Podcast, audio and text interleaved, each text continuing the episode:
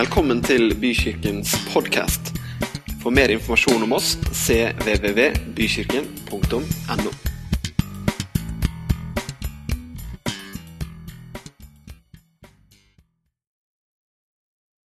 God formiddag, altså. For en formiddag. Herlig. Fint å se så mange mennesker, da. Det er ikke, ikke verst, det, når sola lokker. Jeg sitter inne og halvdepper om dagen. Jeg sitter inne og leser. Jeg var så lykkelig heldig å bli trukket ut til å komme opp i eksamen i naturfag da, på fredag. Som én av seks av 25. Så jeg gleder meg veldig denne helga. Så, jeg, så jeg beklager hvis det kommer ut noen atomer og det periodiske systemet midt inni her, men det, det, går sikkert bra. Så de lovsangerne har vært oppe klokka halv seks til morgen. Jeg la meg klokka halv fire. Så, bare så det er nevnt, da. Ja, Så nå står jeg her, da. Og tittelen i dag er det da selvfølgelig eh, Nå må dere få opp den, da. To be or not to be. Det er det store spørsmålet. Nei, men Det er faktisk eh, headinga i dag. Vi skal innom litt Shakespeare etter hvert. Jeg skal lese to bibelvers. De kommer da på slutten. Eller midt i og på slutten. Jeg pleier alltid å lese først, men i dag gjør jeg ikke det. Så, men vi kommer dit. Hvis du blir nervøs av det, liksom, når skal han lese dagens vers? Så kommer det kjempeseint. Men det går bare bra. Eh, eh, for eh, er det tre uker siden, kanskje, hvor jeg talte her om, eh, under tittelen 'Hva er sannhet?' Jeg veit jo at det var en god del som var her da. Var det, ja, det var ganske mange som var her. Eh, jeg skal ta en liten sånn fortsettelse på den. Ikke akkurat samme, ikke akkurat samme tematikk. Men det jeg snakka om eh, da, for tre uker siden, hva er sannhet, så snakka vi om eh, Vi snakka litt om hva, hva, vi som kristne, eller kristenheten, den kirke, kristne kirken, typisk har trodd på, fundert på Bibelen fundert på Guds ord. Vi snakka litt om Bibelen, vi snakka litt om eh, hvor teologi kommer ifra. Vi snakka litt om hvordan Bibelen har blitt til. Eh, om den fortsatt er aktuell i dag, om det er noe vi skal, og hvordan vi skal forholde oss til Bibelen. Og fins det noe som egentlig er sant? Fins det noe utafor oss sjøl som er sant, eller er all sannhet bare min sannhet? Og Vi snakka litt om at selvfølgelig er det mange ting her i livet vi kan si at dette er min sannhet. Og det er helt greit.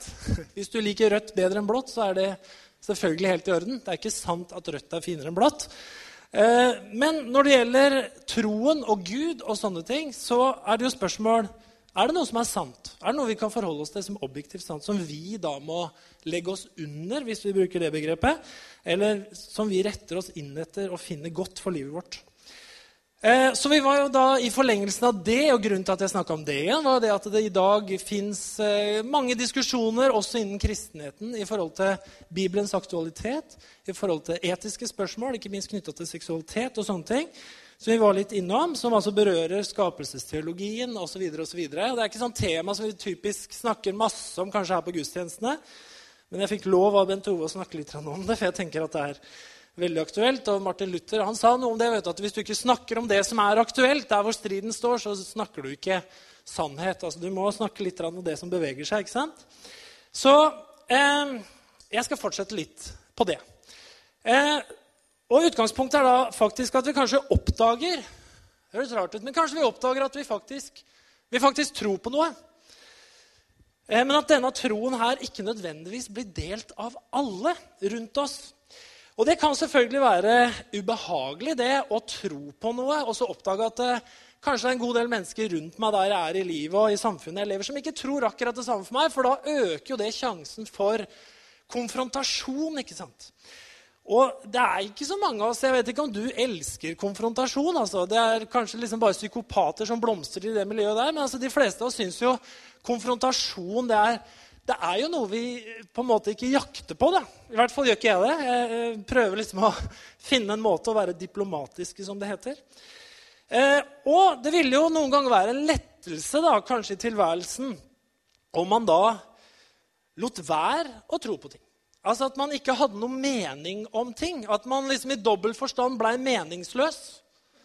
For det, ja, men det blir man jo på en måte hvis man ikke har meninger så er jo det fint. Fordi at eh, Nei, men altså, jeg, jeg, henger meg på der hvor du er i livet, og jeg, jeg er enig med deg og dine perspektiver. og jeg, jeg, har ikke noe mening om det her. Og da vil de fleste du snakker med, si å, så herlig, deg var utrolig fint å snakke med. Altså, det er jo sånn noen ganger at folk, Du sier hei, og så sitter de og prater en halvtime. Og så sier du kanskje bare ja. Mm, ja, ja, sant det. Kjempefint. Mm, ja, ja. Og når halvtimen er gått, så sier de du, det var så givende å prate med deg. Så har de egentlig bare prata med seg sjøl. Men eh, men da blir man kanskje også litt sånn meningsløs da, som person.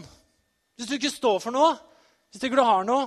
Og det kan man bli som kirke òg, er min påstand. da Man kan bli ganske meningsløs. da.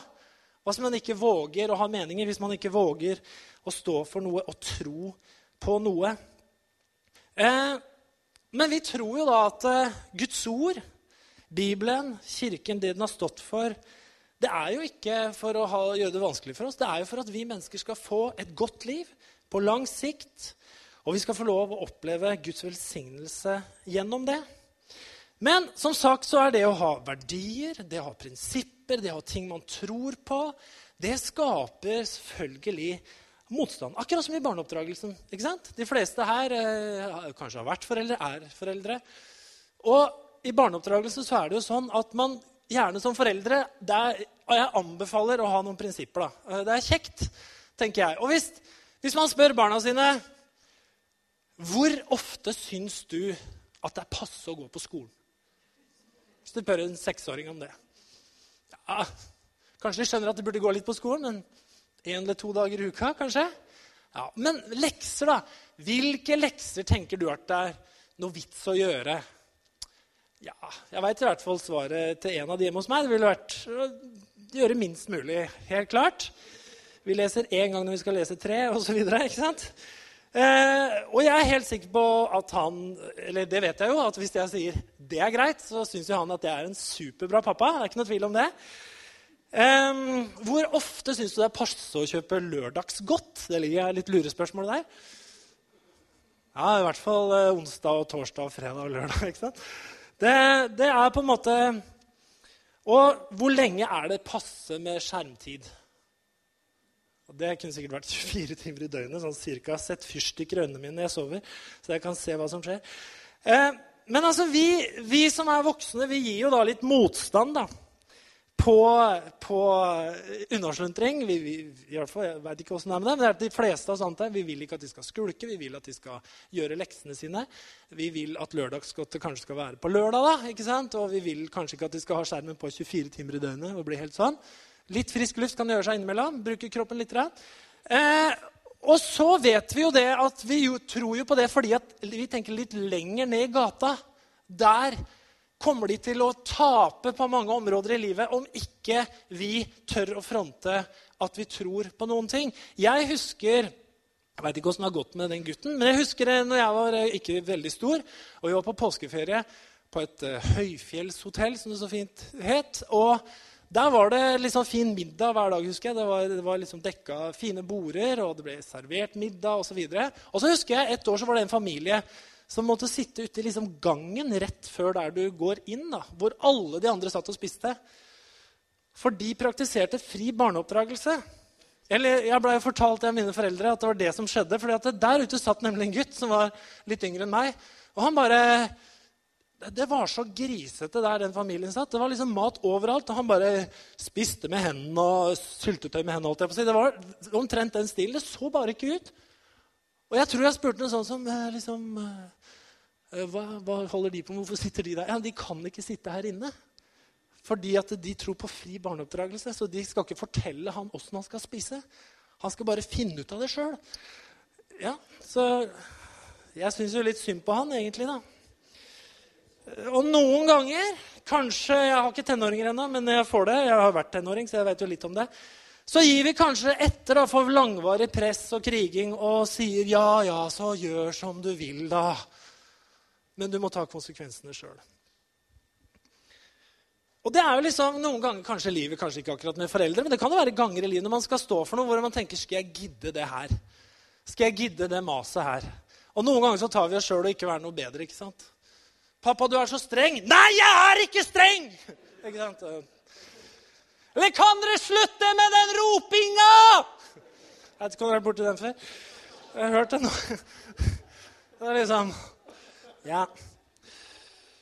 Um, men det blir jo litt sånn derre Skal jeg gidde å holde på med det her, eller skal jeg si bare Ja, bare kjør på, dra, kjøp godteri, lørdagsgodteri hver dag hele uka. Jeg orker ikke mer å holde stand. Det blir så mye bråk og så mye mas. Skal jeg liksom orke å være forelder, eller skal jeg ikke være det?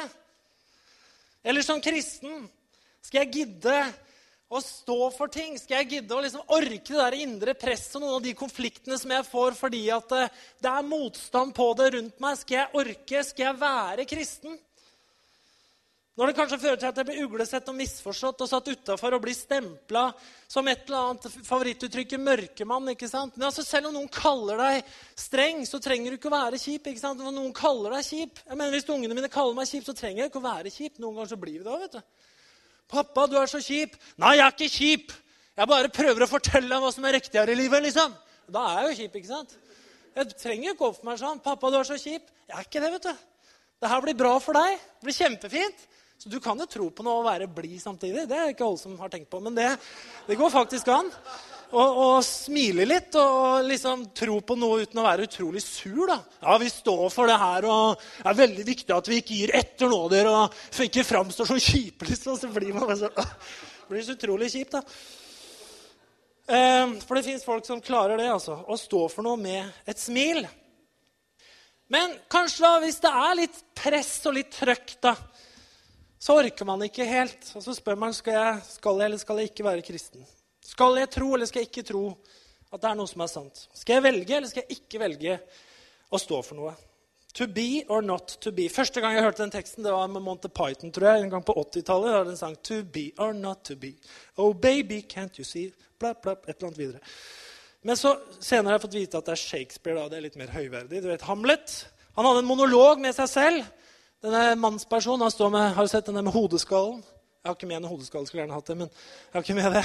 Han står og snakker med hodeskallen, og han står og vurderer skal jeg skal jeg velge å leve, eller skal jeg velge å dø? For det kan man jo faktisk velge.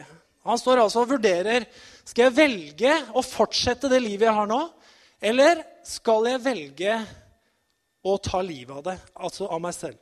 Han har en monolog på det. Og Den kjente tekstlinjen her kommer fra det stykket da, Hamlet. Han synes nemlig livet er vanskelig, Hamlet. Han synes at tilværelsen er ganske uutholdelig for øyeblikket. Det er vel sånn at Hans onkel har drept hans far, og moren hans har da gifta seg veldig fort etterpå og masse annet. Men Jeg er ingen Hamlet-ekspert, men det er i hvert fall det cirka som er plottet. Og greia er at Hamlet har en sånn uutholdelig tilværelse hvor han syns det er ikke noe greit å leve akkurat nå. Det er ikke greit å fronte det jeg fronter. Det er ikke greit å være oppi det jeg opplever som en konfliktsituasjon veldig nær innpå meg. Så han syns det er såpass vanskelig at han vurderer da er det bedre å dø. Fordi at Hvis jeg dør bort fra det, hvis jeg tar livet av denne tilværelsen, hvis jeg slutter å være det jeg er, da vil jo også alle disse problemene og det her jeg må bryte med, det vil jo bli borte. Ikke sant? Det er jo det hele handler om. Døden vil altså gjøre oss på at han på den ene siden kommer raskt vekk fra depresjon, fra konflikt osv. Men så er det da usikkerheten på hva er det egentlig som skjer på andre sida. For jeg kan jo ikke være sikker på hva som skjer når jeg dør. Kanskje det på andre sida vil være som en behagelig søvn.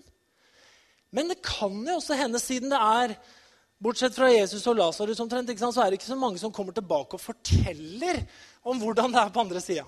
Det kommer ingen tilbake og forteller meg akkurat liksom hvordan det blei. Så jeg er usikker. Kanskje det å dø fører til en tilværelse som er verre enn den jeg har nå. Men det vet jeg ikke. Så hva skal jeg på en måte velge? To be or not to be. That's the question. Å være eller å ikke være, det er spørsmålet. Eh, jeg snakka litt forrige gang som sagt, om eh, den, kristne, det den kristne kirken i 2000 år har sett på som sannheter med stor S. Og Vi snakka om Bibelen, bibelsyn, Bibelens plass i den kristne kirke osv. Og, så og at det er krefter i sving i dag som, som flytter veldig på de tinga her. Kan det være en del bibeltekster som vi konfronteres med utenifra og innenfra i dag, som kan være passé, gammeldagse, bakstreberske, reaksjonære, kontraproduktive, liksom som bare er alt det der negative som ikke passer inn i dagens verden? Eller skal vi fortsatt holde fast på at Bibelen er Guds åpenbarte vilje for, uh, for, oss som er kirke, for oss som er kristne? Eh, hvordan, Også spørsmålet som melder seg, hvis vi svarer ja på det. Så kommer dette neste spørsmålet. Hvordan skal man klare å være kirke akkurat nå, f.eks. I Vesten vi får si det også, verden er veldig forskjellig rundt omkring, i Vesten, i en situasjon hvor en del av kirkens og den kristne verdien og tro Gapet mellom det og en del av det som det blir stått for i den sekulære verden, er ganske stort. Hvordan skal vi fortsatt klare å være relevante?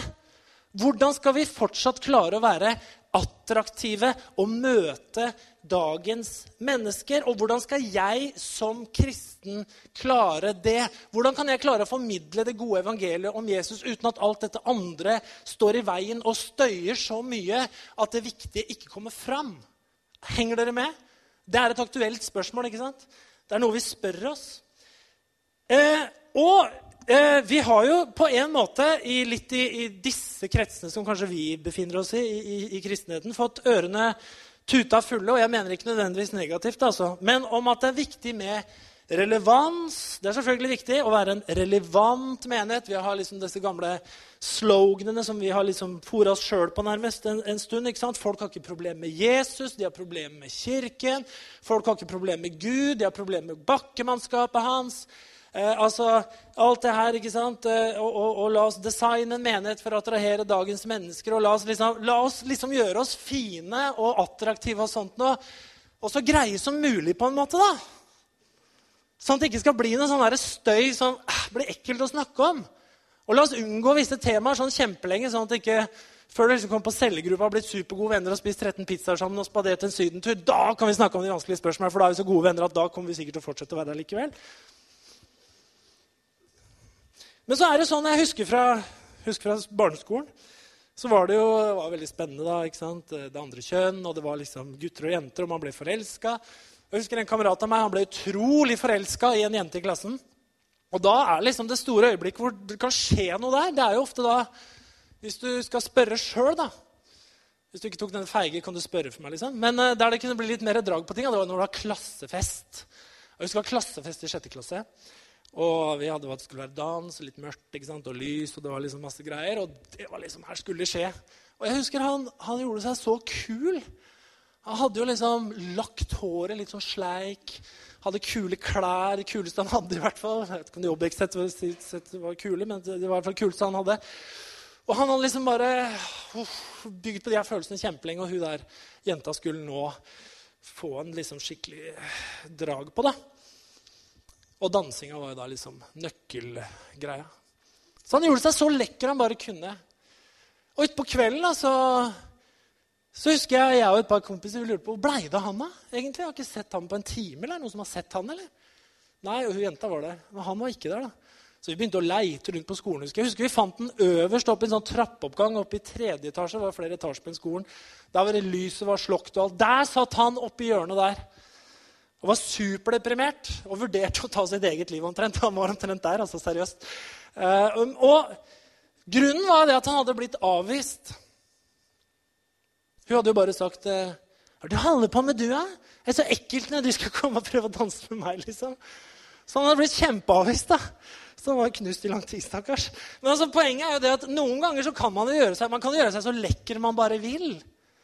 Og så kan jo den man gjør seg lekker for, bare si Herlighet, er det du prøver deg på? Liksom. Skjønner du hva jeg mener?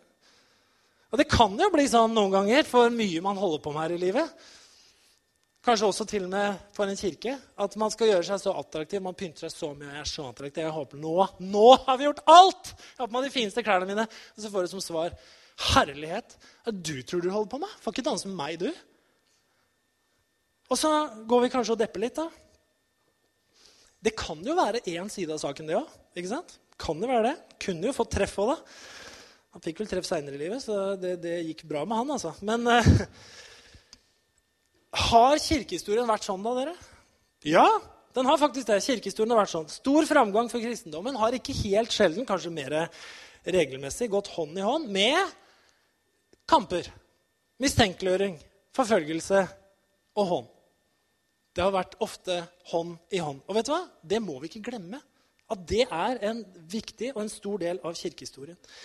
Eh, dersom motstanden blir stor, dersom kjeftingen og hoderysting blir sterk, og dersom fordømmelsen blir overveldende, hvor attraktivt er det å være kirke da? Hvor attraktivt er det å være kristen da? Det må man jo spørre seg. Og da blir det liksom, Hva er det dette her bygger på? da? Er det bare det her, hvordan jeg blir mottatt av andre mennesker, som teller? Eller er det den relasjonen som jeg har med Gud, som til syvende og sist er det aller, aller viktigste? Det må vi jo spørre oss. Er det, er, det, er, det min, er det, det min tro skaper i forhold til verden rundt meg, i relasjon til andre mennesker, som er det viktigste? Eller er det min relasjon til Gud som er det aller, aller viktigste? Og Hvis det er det aller, aller viktigste, så må på en måte det ha førsteprioritet.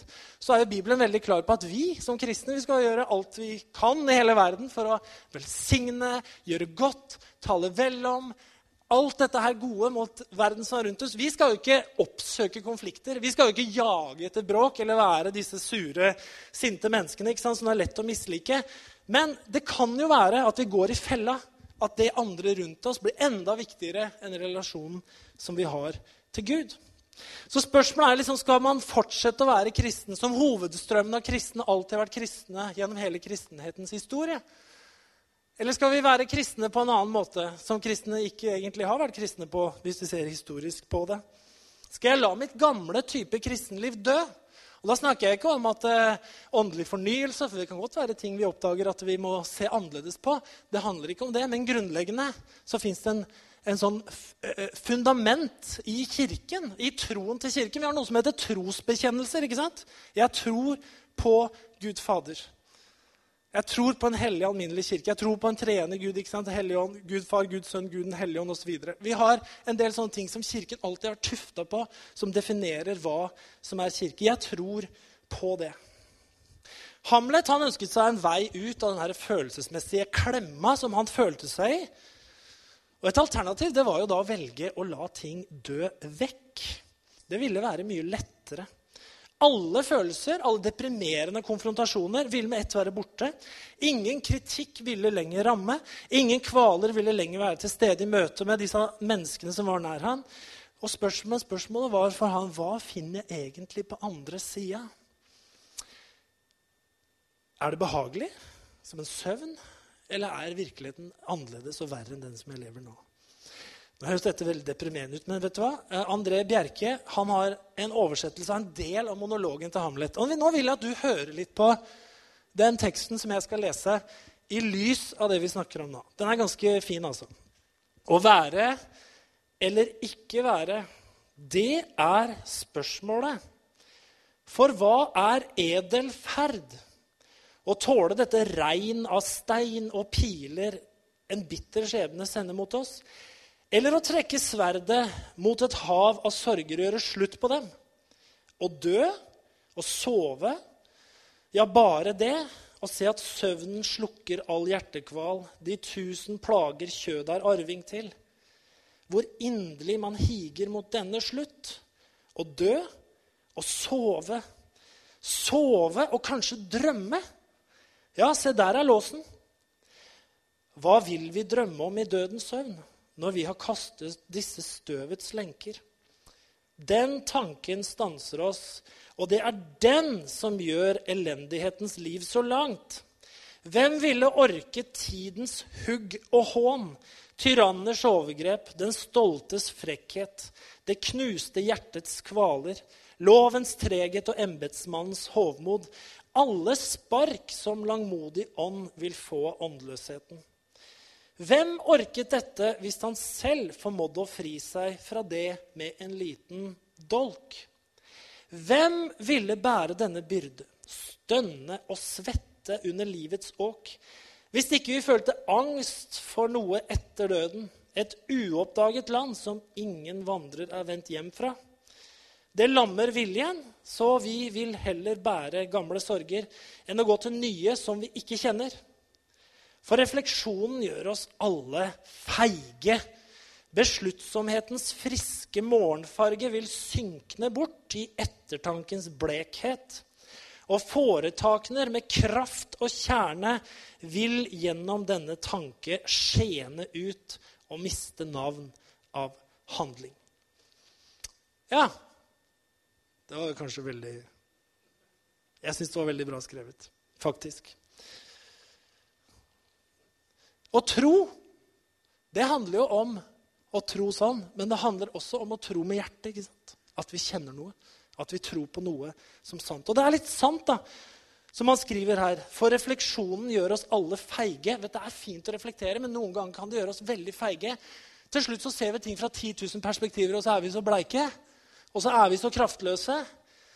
Og foretakene med kraft og kjerne vil gjennom denne tanke skjene ut og miste navn og handling. Det er liksom ikke noe trøkk igjen, altså. Henger du med?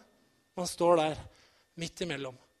Den som har lagt hånda på plogen, må ikke se seg tilbake, for han kommer til å skjene ikke sant? og kommer ikke fram til målet. Jesus, Jesu liv var fullt av paradokser. Jesu liv var veldig flersidig og paradoksalt. Jesus var både konservativ og veldig liberal. Jesus var utrolig konservativ. Han, han sa at 'ikke en tøddel' sa han, av det, som, det, av det som står i eh, Skriftene. Det skal gå, gå, gå, gå fortapt. Det skal stå fast alt sammen. Ikke en tøddel skal få gå. Og Samtidig så var han liksom veldig liberal. Han satt sammen med syndere og tollere, han spiste og drakk og var sammen med mennesker som, som ikke fariseerne syntes det var greit å være sammen med. Han sa heller ikke jeg er fornøyd med deg, så gå bort, for Jesus var full av nåde. ikke sant? Så Jesus var på en måte begge deler.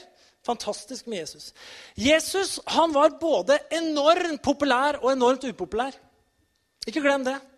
Jesus var elsket og etterfulgt, men han ble også dømt til døden av en rasende folkemasse. Det er to sider av historien om Jesus. Han visste hva popularitet var til de grader. Jeg mener I Lukas 15, 2, så står det at alle tollere og syndere alle holdt seg nær til Jesus for å høre hva han hadde å si. Alle fløy etter Jesus. Jesus prøvde å gjemme seg, Jesus prøvde å dra av gårde på øde steder. Men de kom etter Jesus i tusentalls for å høre hva han hadde å si. Han var ekstremt populær til tider. Enormt populær. Han var den mest populære personen blant jødene i, i, i visse tider av sitt liv. Allikevel så ender han opp med å bli dømt til døden av en rasende folkemengde som har blitt egga opp, som plutselig snur seg veldig fort. Det var også episoder hvor Jesus sa ting, hvor plutselig alle forlot den. Og han sier til disiplene også sin nærme, skal dere gå, dere også? Nei, vi går, vi går ikke, for vi, vi veit ikke helt hvor vi skal gå. Så de var litt usikre. Men hadde de visst det, så kanskje de hadde gått, de òg. Men altså, det, det her spennet som fins i Jesu liv, det må vi lære litt av. ikke sant? Eh, og det er akkurat som når Jesus snakker om popularitet. Og det er jo liksom vår, altså det er jo vår tids store greie. Det er jo å bli populær. Hvem er det som ikke vil bli populær? Altså, TV-show på TV-show. Jeg synes Det er fantastisk med alle talenter og alt mulig. Men det her å bli populær for enhver pris, det å bli kjent for enhver pris, det å bli beundra for enhver pris, det er ganske sentralt i mye av underholdningsindustrien og mye det som, det som skjer. Og enkelte mennesker er jo villige til å gjøre langt utover det de egentlig burde. For å få litt oppmerksomhet, for å få litt popularitet. ikke sant? Og så biter det dem litt i andre enden etter hvert. Jesus gjorde bare godt. Han gjorde bare godt mot alle mennesker, men han var allikevel etterfulgt og forfulgt. Og jeg tror det bare er sånn dere, at hvis du står for noe på de fleste områder kanskje i livet Hvis du står for noe, så vil folk ha meninger om det. Sånn er det jo bare. Hvis du ikke står for noe, så vil ikke folk ha meninger om det. Men det vil alltid være noen som kanskje sier at uh, 'Jeg er ikke enig med deg, og jeg er sur på deg'. Haters will hate. ikke sant? Men Jesus han var urokkelig i det han sto for. Det var ikke alle som snakka vel om Jesus. Noen snakka Jesus opp, noen snakka Jesus ned. Sånn var det bare. Og Jesus mente da tydeligvis at det å være udelt populær, det var ikke så bra. For Jesus sier i Lukas 6, 26 Dette er det første bibelverset jeg leser. Ved dere når alle taler vel om dere. Det samme gjorde også fedrene med de falske profeter. Altså, Her snakker jo Jesus om det å være populær. Altså Når alle snakker godt om deg, når alle beundrer deg, når alle skryter av deg, når absolutt alle gjør det, så sier Jesus ah, pass på! Det er ikke sånn det er hvis du er av hel ved. Det er ikke et sunnhetstegn nødvendigvis når alle snakker vel om deg. Henger du med? Man leter jo ikke etter fiender, man leter etter venner. Man leter ikke mennesker som man kan støte. Man leter etter å gjøre noe godt for folk. ikke sant? Men det er ikke ensbetydende med at alle kommer til å synes at du er verdens mest fantastiske menneske.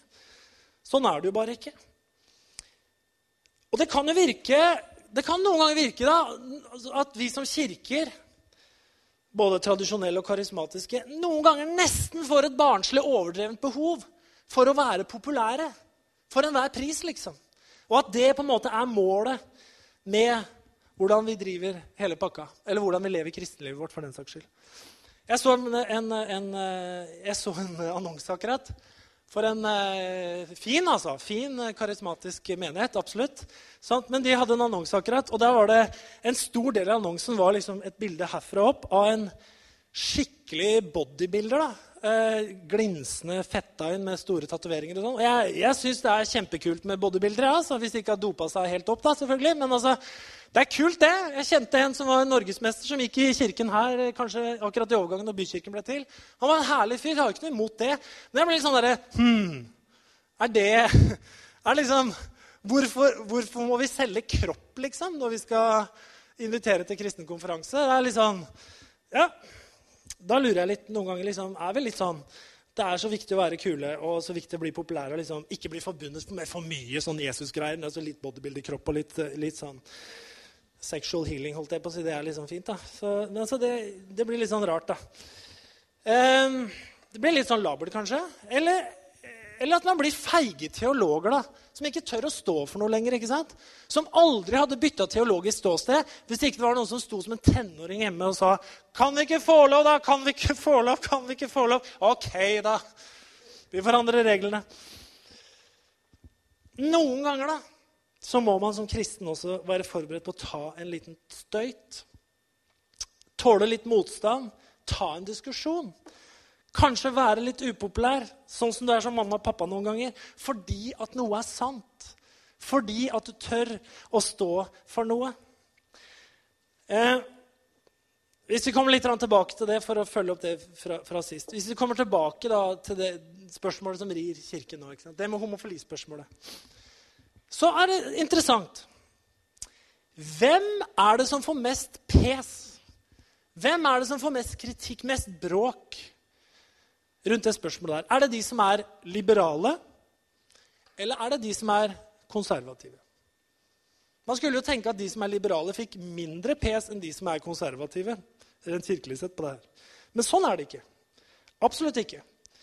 Eh, hvis vi ser på den gamle urkirken, holdt jeg på å si, den romersk-katolske kirken, så får den veldig lite pes rundt det spørsmålet her. Hvorfor det?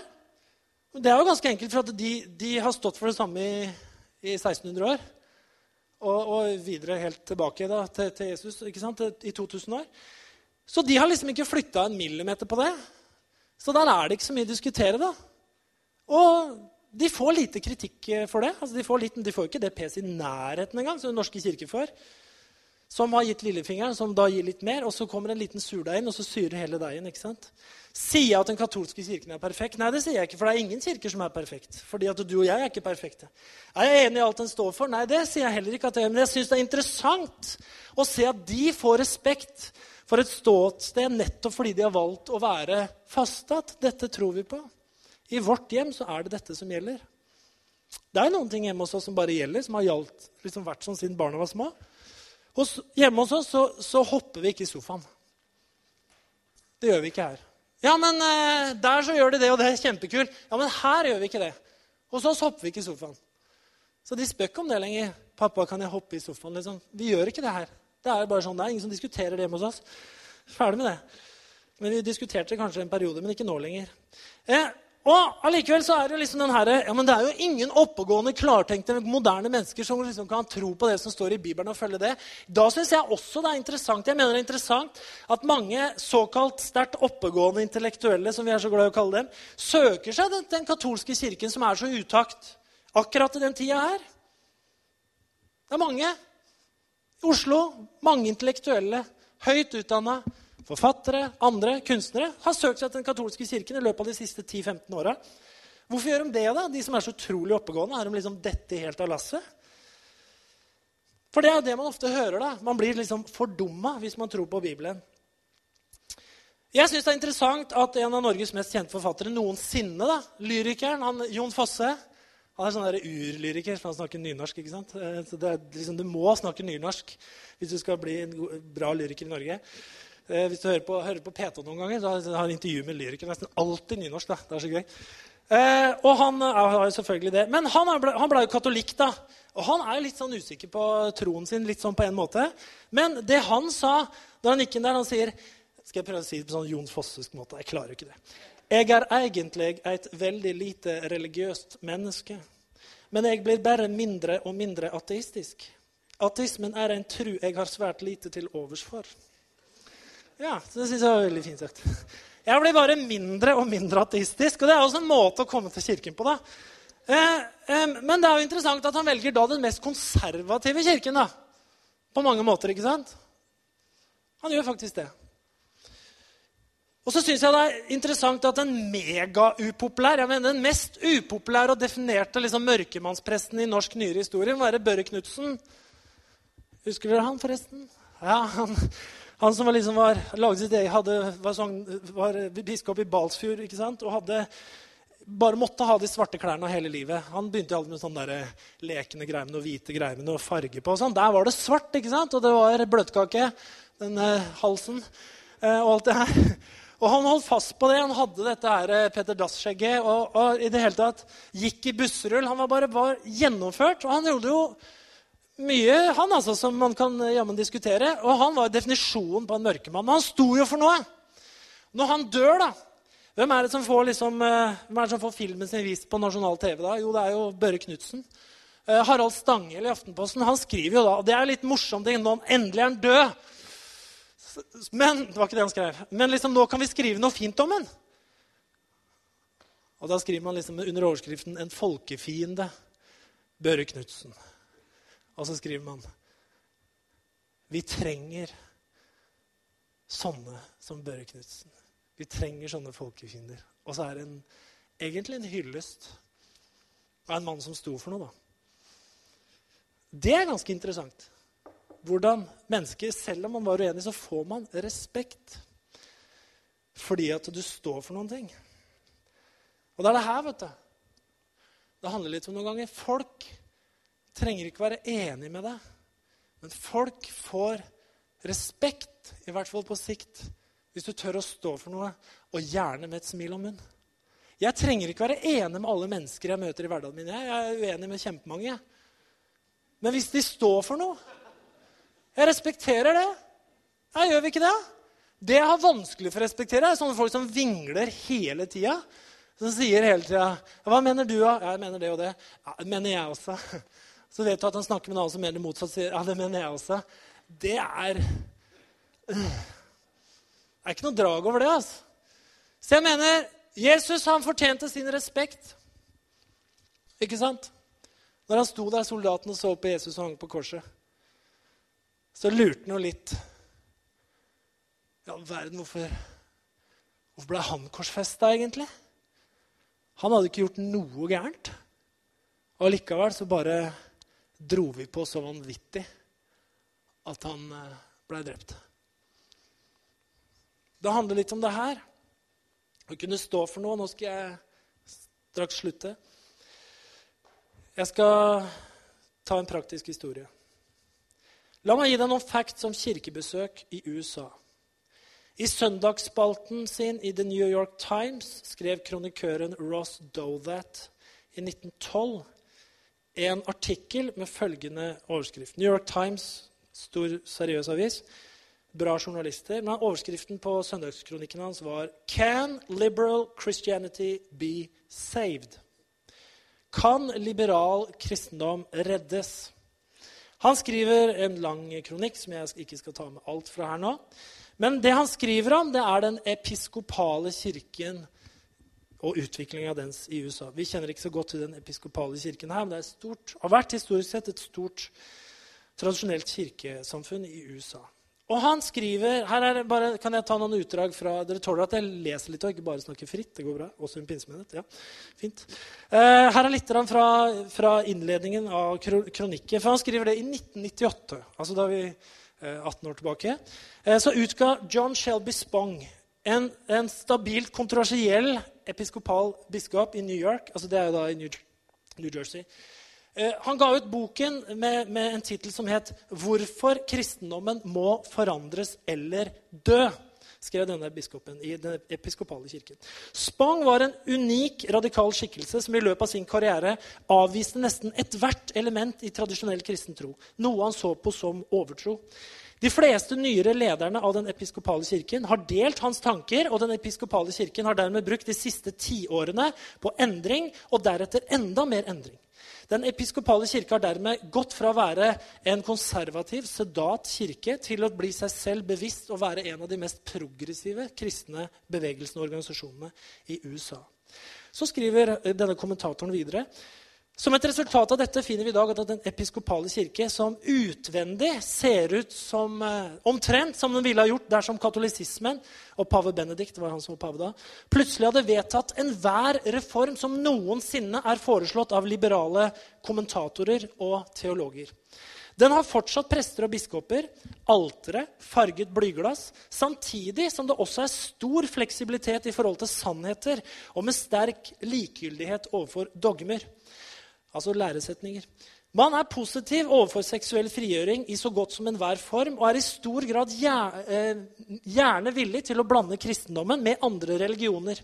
Man er raske til å nedtone teologi helt og heller favorisere sekulære politiske argumenter.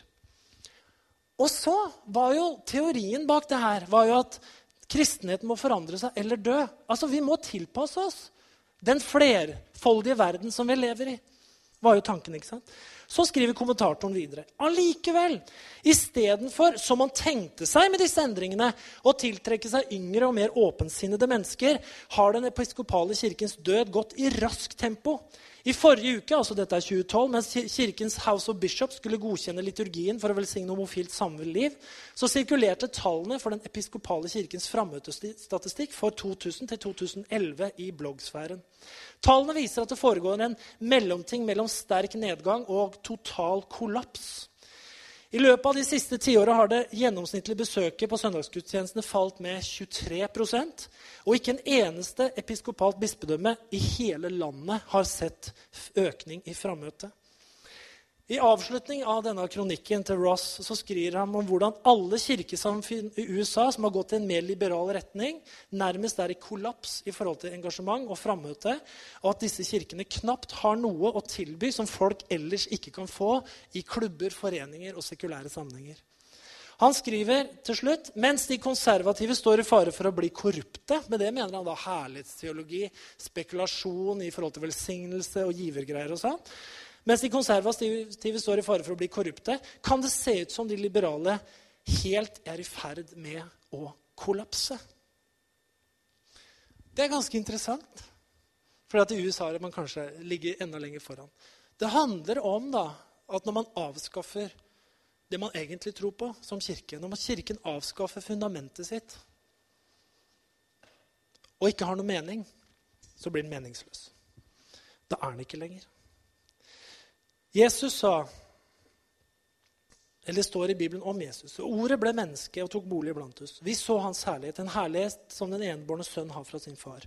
Full av nåde og sannhet. Og det er det her, det er de to tinga der, som er så nydelig sammen. Nåde og sannhet. Ikke bare sannhet. Den kan være hard. Ordet som slår det er pisken som slår det er ordet som slår det men ånden som gjør levende. ikke sant? Men nåden. Vi er alle på vei. Vi er alle på vei. Og selv om jeg tror på noe, Selv om jeg tror at noe er riktig, så er det ingenting som sier at jeg klarer å leve til det til enhver tid. Nei, det er det ikke. Og det er heller ingenting som sier det at folk som går i en kirke, må være perfekte eller klare å leve etter alt mulig som står i Bibelen, for det er ganske mye, det. Du skal ikke baktale, vet du. Hvem har ikke gjort det? Sitte og kost oss med litt sånn baktalelse, litt sånn koselig, uten at det er så mye at vi føler at det er baktalelse. Så er det egentlig det allikevel. Ikke sant? Altså, hvem har ikke gjort det? Da trenger vi nåde, ikke sant? Men skal vi være, skal man være kristen? Skal man tro på noe? Eller skal man la det være fordi at det er mer behagelig? Men hva finner du på andre sida? To be or not to be? That's the question. Det er spørsmålet. Skal, det siste jeg skal fortelle, er Jeg har fortalt det før, men jeg elsker den historien. For jeg leste en artikkel i et uh, tidsskrift som jeg kjøpte en gang, hvor det var noen uh, journalister som intervjua ledere for flere religiøse trossamfunn i Norge. Og en av dem var, var uh, var eh, Kirsebom, eh, som er altså biskop i Oslo, i den katolske kirken. Og de lurte på hva er det gode liv. Og de lurte på en ting til. For de sa dere som kirke er så konservative. Dere har ikke gitt en millimeter på noe område i forhold til det dere alltid har trodd på. F.eks. når det gjelder seksualitet, som har vært veldig lenge oppe nå. Hvordan har det seg da at i St. Olav i Oslo så er flere, så er det den kirken i Norge som har flest gudstjenestebesøk. Der er det nemlig 14-16 gudstjenester i uka. Det er 3500 mennesker cirka på gudstjeneste i St. Olav i Oslo hver uke. Eh, andreplass er også en katolsk kirke, Stavanger, Sankt Svithun. 9-13 eh, gudstjenester i uka, 2700 mennesker som deltar. Tredjeplass i Norge, Philadelphia Oslo. Fire gudstjenester i uka. Ca. 2100 mennesker deltar. Det er ingen på topp 10-lista i Norge av gudstjenestebesøkende som kan defineres som en såkalt liberal kirke. Alle er bibeltroe, står på gammelt kirkens fundament. Så spør journalisten hvordan har det seg at det er så godt besøk. Altså, du kan ikke bare skylde på polakker. Altså. Det er mennesker, de òg. Det er akkurat som Polakker er sånne roboter som bare går på gudstjeneste. Liksom. Men de er jo ikke det. Og hvordan har det seg at det er en, en god del homofile som jevnlig frekventerer gudstjenestene deres, når dere helt tydelig er en veldig diskriminerende kirke? Og Da sier han vi er ikke diskriminerende. Vi bare tror på noe. Ja, er ikke det diskriminerende? Nei. Så vi, vi, vi sier han Vi har jo Bibelen. Later jeg som det er Bibelen? Jeg har jo sånn app her, da. Bibelapp. Eh, Bibelen det er Guds vilje overlevert til Kirken, så vi kan ikke forandre på den. Sånn. Og Bibelen er hellig, så vi kan ikke endre på den. Og Derfor så sier vi enkelt Vi bruker det bildet her. Vi sier at Bibelen legger lista et sted på masse områder i livet. Og det, La oss si at den lista ligger her. Og det er det vi kaller for hellig. Hvis du lever akkurat sånn, så kan vi si at du i praksis lever et hellig liv. Men så er det sånn at uh, veldig ofte de fleste av oss befinner oss kanskje her nede i forhold til lista. Og noen er her nede, og noen er liksom så høyt over bakken i forhold til lista. Vi er veldig langt unna det som kalles hellig. da. Ikke, vi lever ikke sånn i det hele tatt, omtrent. Men vår oppgave som kirke det er da ikke å senke lista ned der og si at ja, vi tror ikke på det lenger. vet du, nå går det så bra for deg også. Nei, vi sier at lista den, den er sånn. den. Vi tror på det her. Og så sier vi til oss sjøl og alle vi som er på vei dit for å bli lik Jesus, ikke sant?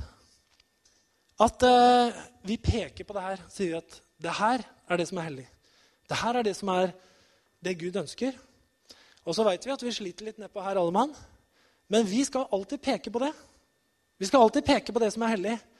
Hvis du slutter å peke på det, så slutter vi å lengte etter det som er hellig. Og så blir det plutselig noe helt annet. Og Det er ikke diskriminerende i det hele tatt. Vi bare hjelper hverandre. Det er Kirkens oppgave. Å hjelpe hverandre til det som er hellig. Da går det an, begge deler. Da kan alle komme. Og så kan vi ha et nådefellesskap. Og så vet vi at vi alle er på vei på forskjellige områder i livet.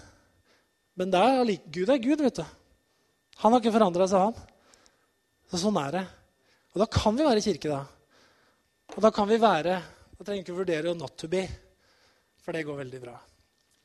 Amen. Amen. Jeg takker deg, Herre, for at vi kan snakke litt med hverandre om de tinga her. Og så ber jeg at du hjelper oss. Det er mye å manøvrere i Gud. Vi møter mange mennesker, vi møter mange situasjoner. I arbeidsliv, i andre sammenhenger, i kirkelige sammenhenger, blant venner. Alt. At du hjelper oss, Herre, å holde styr på vårt indre liv. At vår relasjon med deg er viktigere og overordna all respons vi måtte få rundt oss. Takk, Herre, at vi kan søke det gode. Takk at vi kan søke det som er hellig, og anerkjenne det som sant mens vi er på vei. Og takk for at vi også som kirke kan anerkjenne det, at vi alle er på vei, at vi hjelper hverandre mot noe som du har satt der, Herre. Jesu navn. Amen.